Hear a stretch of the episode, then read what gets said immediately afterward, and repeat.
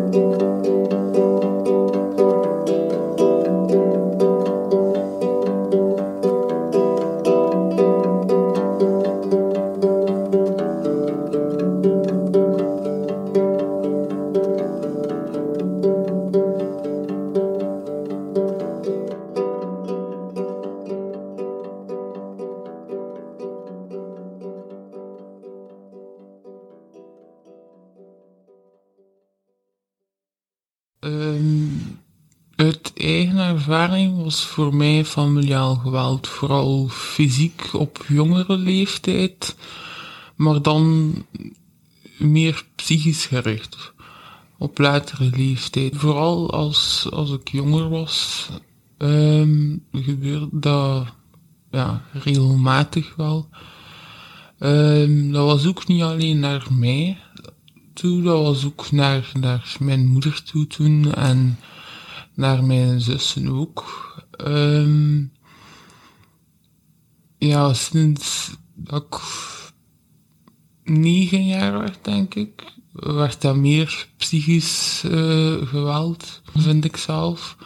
Um, dat begon me neerbuigend doen en um, ah nee, doen alsof dat je niet bestaat eigenlijk, of dat je niet goed genoeg bent om aandacht te geven. We waren vroeger zo gewend van zo te leven, maar ja, ik zag dat ook andere dingen later dan in het leven.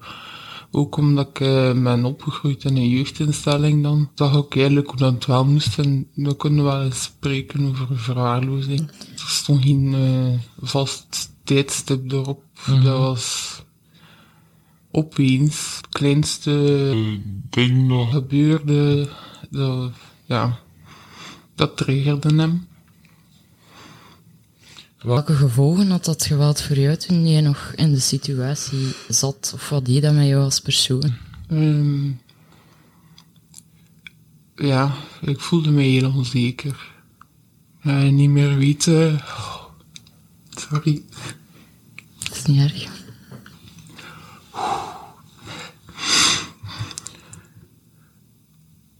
Niet meer weten wie dat je. Mm -hmm. Waren er bij jullie ook goede momenten? Ja, ja, zeker. Hoe zagen die er dan uit? Um, dat was meestal als we weg waren of zo van huis. Um, bij de bijeenkomsten van uh, de geloof dan, bij de Jehovah's getuigen, liep alles altijd perfect. Mm -hmm. Dus naar de buitenwereld toe eigenlijk een heel ander uh... beeld. Ja.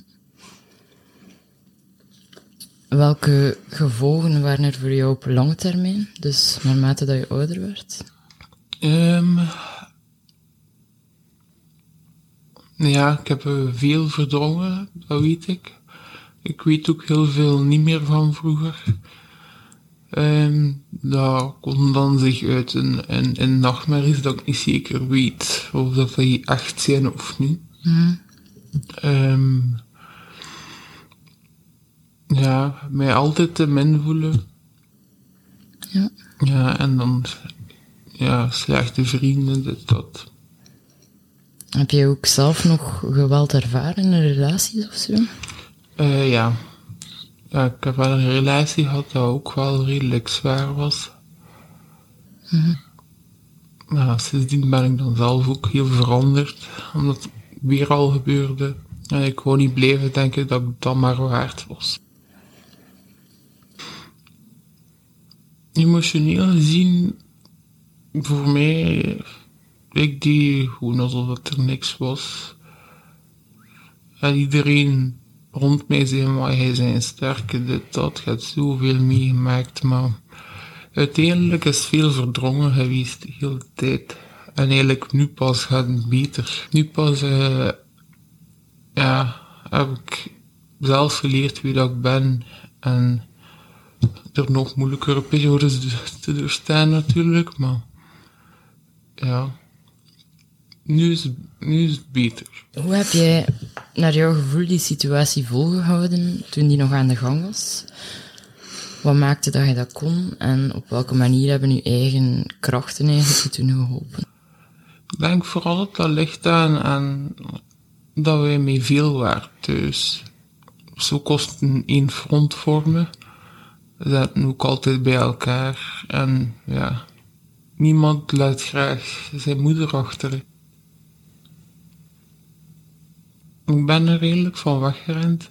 Ik ben, uh, ja, ik ben in zwaar depressie geraakt en,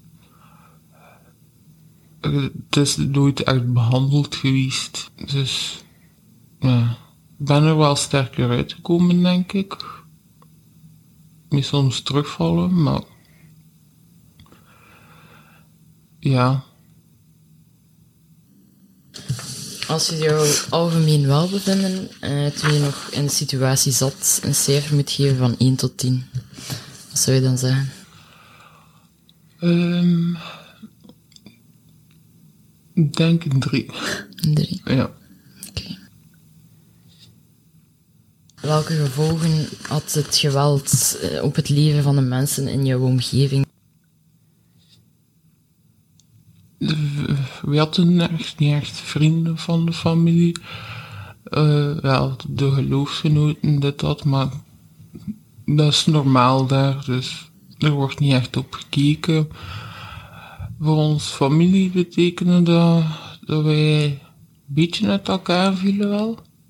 Iedereen ging zijn, ging zijn eigen weg op. Mijn pa smeet ook iedereen buiten op onder 18, dus jaren niet gezien en dan, ja,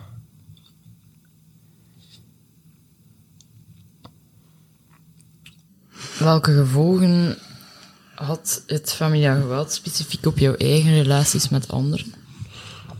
Um, weinig vertrouwen in anderen.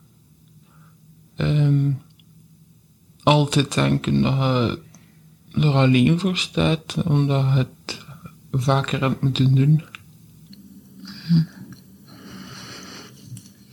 Had jij zelf het gevoel dat je met personen in je omgeving kon praten daarover? Um, toen niet. Ik had wel vrienden, maar het school was dan ook niet zo gemakkelijk. Um, Eén leerkracht had iets opgemerkt, maar die is ook gewoon ja, verder gegaan. Omdat ik zei dat er niks was. Ik ben, ja, nee, op school is er geen hulp geweest eigenlijk.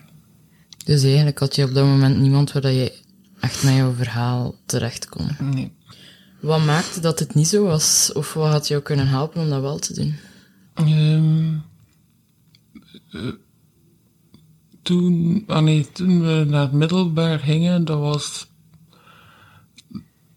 dat werd niet gezegd bij, bij de, de tour van de school, dat, dat, de eerste dagen de uitleg van dat is het persoon waar dat je terecht komt voor dat en voor dat en voor dat. Dat werd mm. allemaal niet gedaan op die school. En had wel het CLB op school toen, maar ja, dat was al. Er zijn leerlingen naartoe geweest met problemen en die kwamen toevallig altijd uit dan. Dus daar was er ook geen vertrouwen in. Mhm. Heb jij nu, in het latere leven, het gevoel dat je bij mensen terecht kan en over je verleden kunt praten met hen? Ja, dat heb ik nu wel. Ja. Het zijn er een, een klein aantal, maar het zijn de goede. En wat geeft jou dat vertrouwen in mensen? Ehm ja, gewoon dat ze dat verdienen. Omdat de gemerkte oprechtheid van iemand dat wilt helpen en of gewoon wilt luisteren al.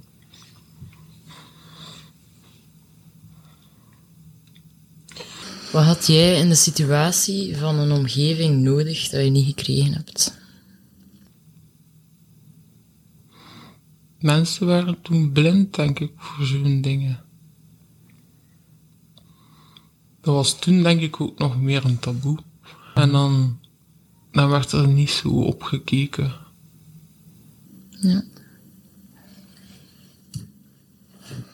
Wanneer je terugkijkt naar jouw netwerk toen, wat waren sterktes en krachten binnen dat netwerk toen je dat doormaakte? Dus je hebt er juist al aangehaald, de band met je broers en zussen.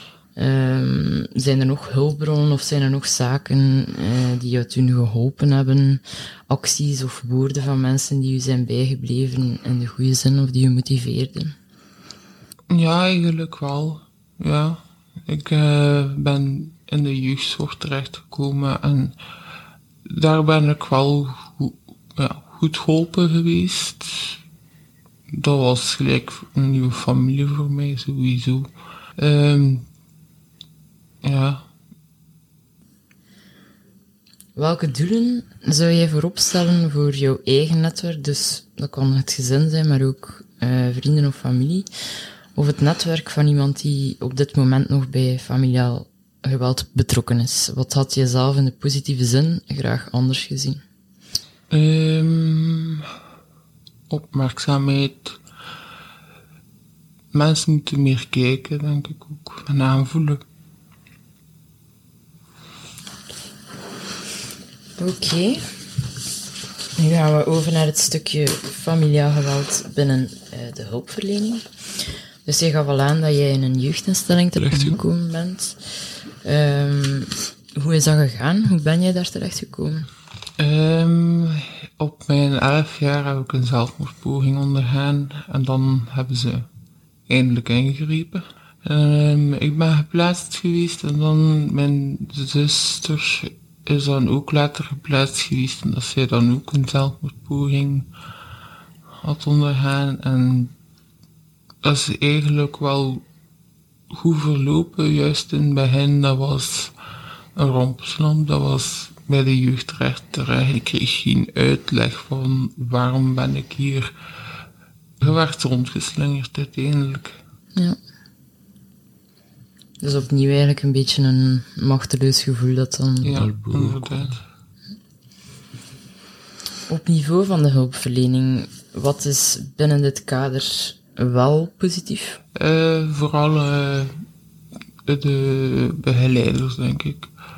Ze wisten hoe dan ze moesten omgaan. Wij zaten ook constant eh, bijlessen over bepaalde onderwerpen.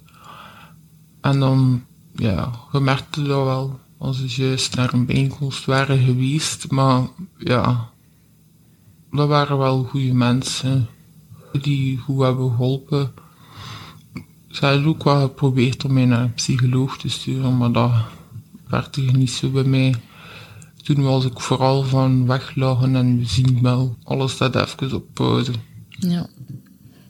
En de band met de mensen die daar nog eh, verbleven, hoe was dat voor jou? Ja, is lekker kat en ons soms, maar soms kunnen we elkaar niet missen, hè. Ja, Ja, beetje gelijk broers en zussen. ja, inderdaad. Oké. Ehm, wat zijn volgens jou zorgen, hiaten of gebreken op gebied van de hulpverlening? Wat is er daarin nog niet aanwezig dat er volgens jou zou moeten zijn? En wat heb jij of anderen in een situatie van een geweld nodig dat er niet was of is binnen de hulpverlening? Ik denk dat ze gewoon in het algemeen met tekort aan volk zitten. En ze kunnen niet overal zijn. Allee, ze kunnen niet op duizend plaatsen zijn tegelijk. En uh, ja, dat merkte je wel, want uh, vroeger was er soms controle bij mij thuis wel, maar dan kwam het in een half jaar niet, omdat er was geen tijd. Mhm. Maar in andere situaties kan dat soms, ja. Mhm.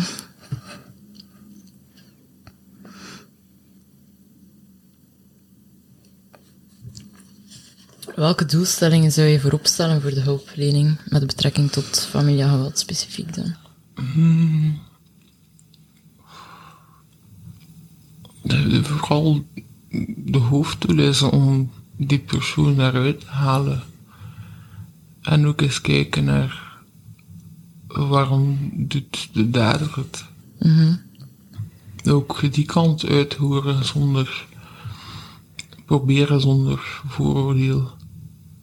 Wat moeilijk is. Ja. Oké. Okay. Wat had jij nodig dat je niet gekregen hebt in de hulpverlening? Um, uitleg.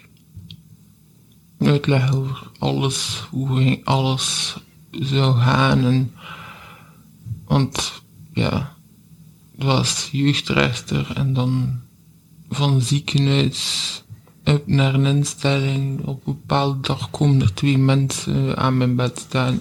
Wij nemen u mee. En dan, ja, -hmm. je weet niet wat er gebeurt. Zeker als je zo jong zit. Oké. Okay.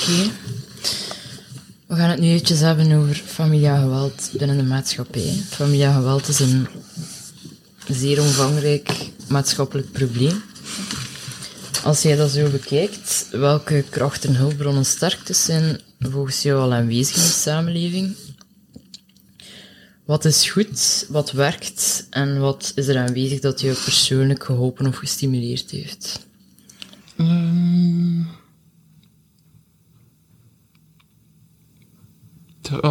nu is het allemaal veel beter, kan altijd beter, maar het is al veel beter dan vroeger, vind ik al. Er wordt meer over gepraat. Um, kinderen zijn ook veel mondiger geworden. Die gaan het ook, denk ik, rapper durven zeggen. Er zijn ook meer, vooral op scholen zijn er meer uh, personen die je kunt aanspreken nu. En leerkrachten worden ook bijgeleerd op zo'n vlak. Mm. Ik denk vroeger dat zat, ja, dat zat helemaal vast. Oftewel als je gewoon aan de school waar ik zat. Hmm. Oké. Okay. Wat zie jij als gebreken in de maatschappij uh, in relatie met die problematiek? Of wat is er, is er niet dat er volgens jou zou moeten zijn en wat kan of moet nog beter? Ik heb zelf nooit op een wachtlijst gestaan of zo. Ik kan me voorstellen voor mensen, nee, kinderen toen die wel op een wachtlijst stonden, wat dat heel moeilijk was. Um, qua politie die kan samenwerken met jeugdrechtbank, dat kan echt duizend keer beter. Mijn vader heeft nooit iets van gevolgen gehad. Ook al is er wetende van mijn zus die er veel meer herinnert. Wat het er allemaal is gebeurd. En als je dat dossier leest, is verschrikkelijk. Hmm. Welke doelstellingen zou je voorop stellen voor de maatschappij? Of heb je zelf ideeën om familiaal geweld optimaal aan te pakken als samenleving? Um, ik heb niet echt een idee van. Het is leuk dat ik zei, gewoon meer volken inzetten, meer straatvolk ook, denk ik. Um, en meer straatvolk bedoel ik uh, aan huis. Sowieso. En vroeger, on, allee, vroeger kwam er bij on, ons iemand thuis en die was alleen. Voor hetzelfde geld wordt mijn vader zot. En dat doe je gewoon niet, vind ik.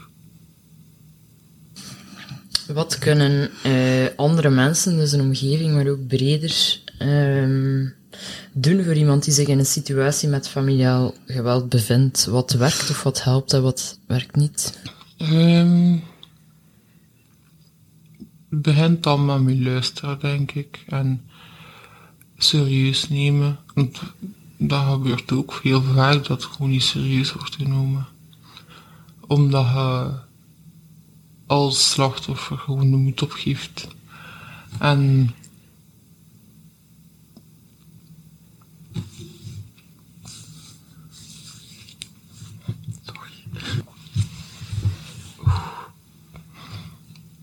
Um,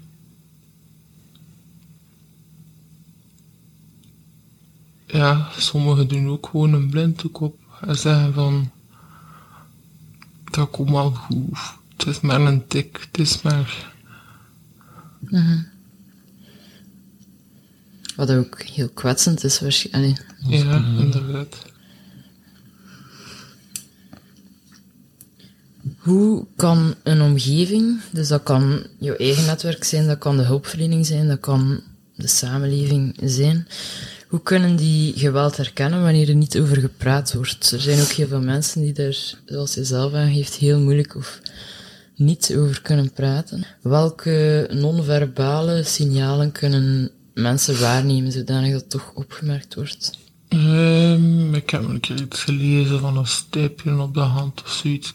Dat dan vaak wel mensen doen. Dat je kunt zien. Um,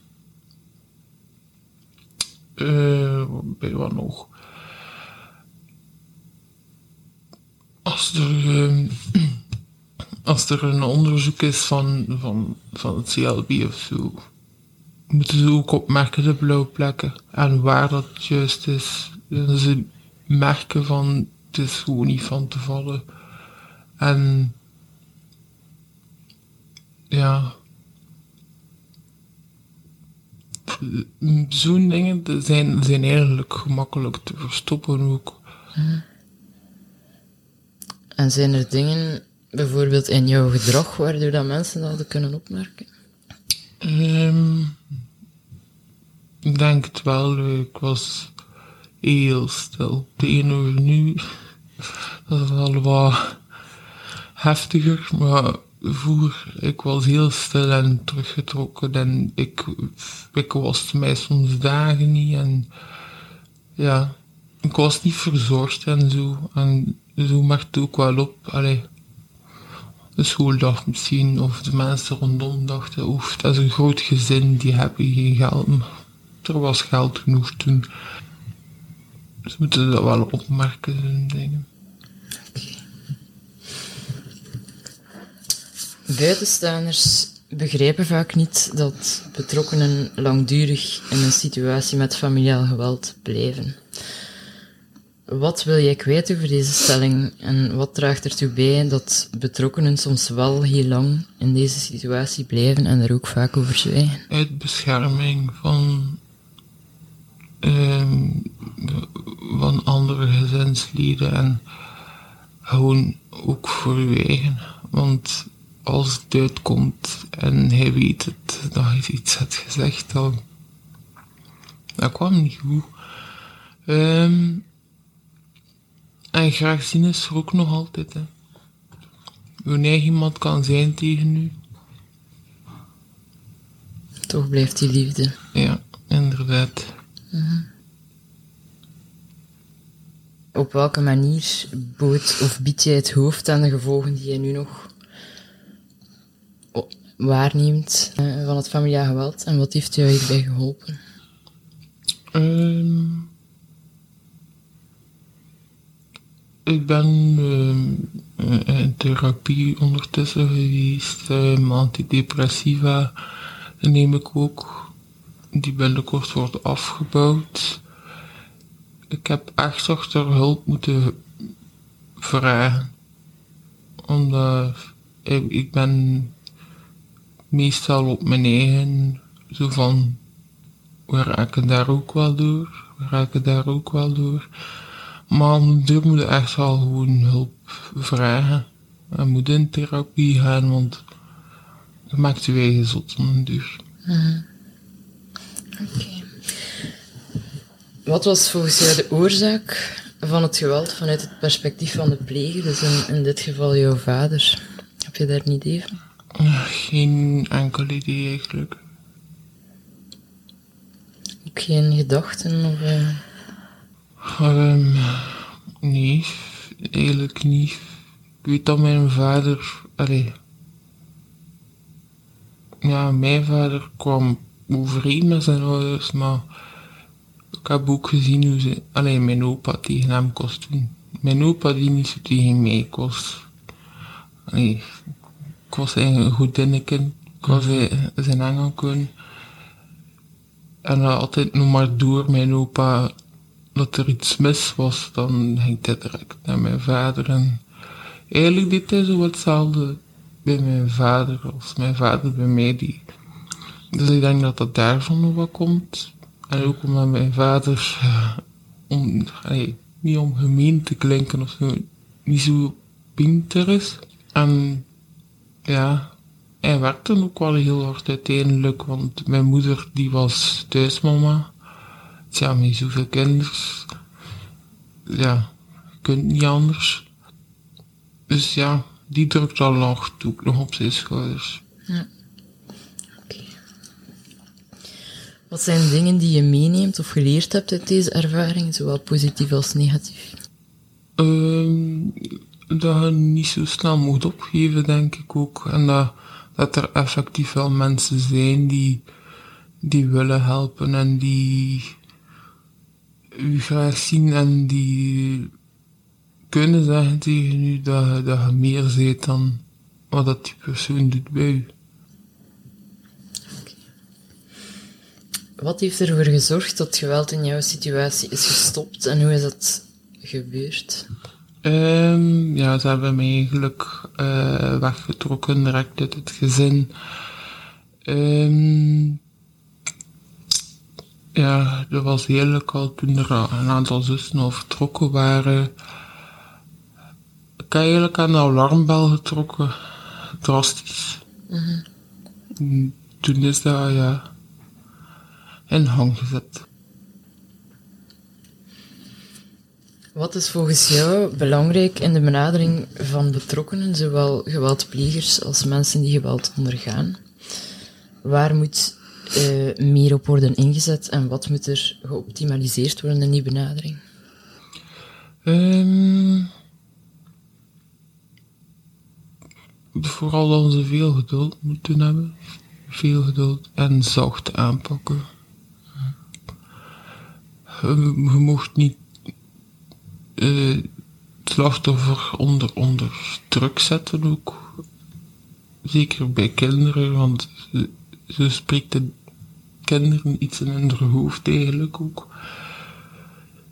Ehm, bij de dader weet ik niet. Ehm, ehm, mijn vader zelf was vrij goed wegsteken. Ik kost het zijn nek lullen. Dat was... En ik kost toen alsof er niks was. En dat, dat ja...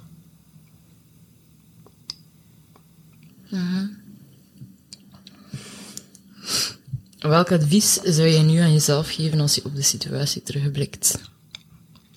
Ehm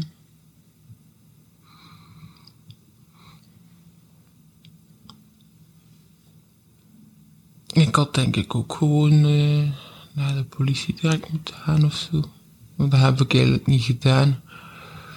Omdat ik al twee keer in aanraking met de politie wel al was geweest. En dat was niet echt de, de beste ervaring ooit.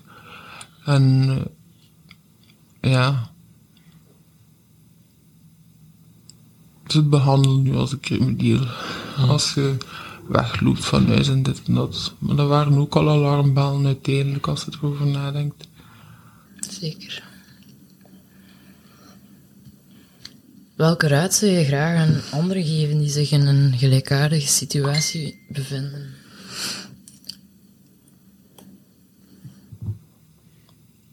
Ehm je eigen de kracht proberen geven om erover te praten. En sterk zijn voor de periode die erachter komt vooral. Wat zou je omschrijven als jouw grootste krachten nu en hoe helpen deze jou in het leven en op de weg naar het herstel? Um, volhoudingsvermogen, denk ik. Um, ja. Ik weet niet zo. Dat is oké. Als je jouw algemene welbevinden nu een cijfer van 1 tot 10 zou moeten geven, wat zou dat dan zijn? Mm, ik denk toch wel een 8, ja. Zeer goed. Wat heb je zelf gedaan om tot het cijfer te geraken? Um, mezelf laten helpen vooral. Er zijn veel mensen rondom mij die veel hebben gedaan voor mij vooral. Ja, die ook kunnen zeggen dat het niet meer kon. Hoe het was. Mm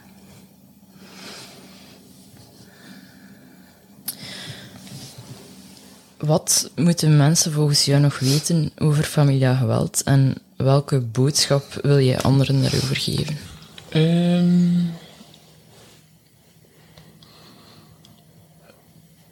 dat psychisch geweld um, even erg kan zijn als fysiek geweld. Dat het ook moeilijker is om te zien. Ik denk. Mm,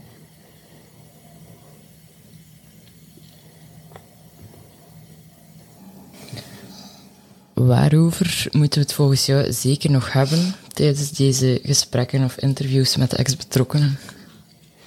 Um, ik denk hoe het voelt als moeder, denk ik ook. Als je mm. je kind weren en je kinders ja, zo ziet. Dat ligt ook wel een belangrijk thema. Oké, dank u. Met welk doel ben je vandaag naar hier gekomen en wat zou er voor jezelf voor zorgen dat dit gesprek en het openbaar maken daarvan nuttig is geweest? Um, vooral om die taboe een beetje te doorbreken. Het is nu al minder, maar het gebeurt nog altijd. En het zijn nog altijd mensen die zich verstoppen eigenlijk voor iedereen rondom zich, voor zo'n situatie thuis te hebben. Um, ik denk dat dat vooral een hart onder de riem kan steken dan ze weten dat ze uit die situatie kunnen geraken.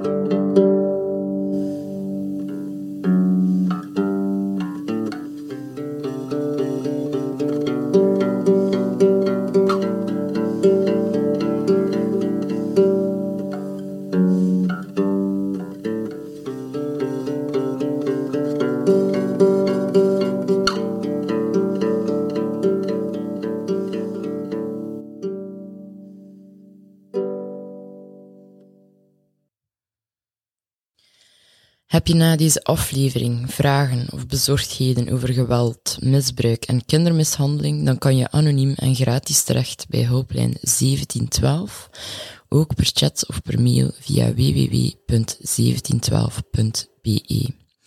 Heb je nood aan een gesprek? Bel dan naar Teli Onthaal op het nummer 106 of ga naar www.tele-onthaal.be.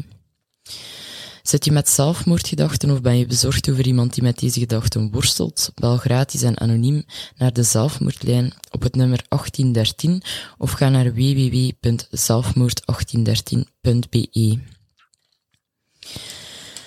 Heb je nood aan politionele hulp, dan kan je bellen naar het nummer 101. Heb je nood aan dringende medische bijstand, dan kan je bellen naar het noodnummer 112.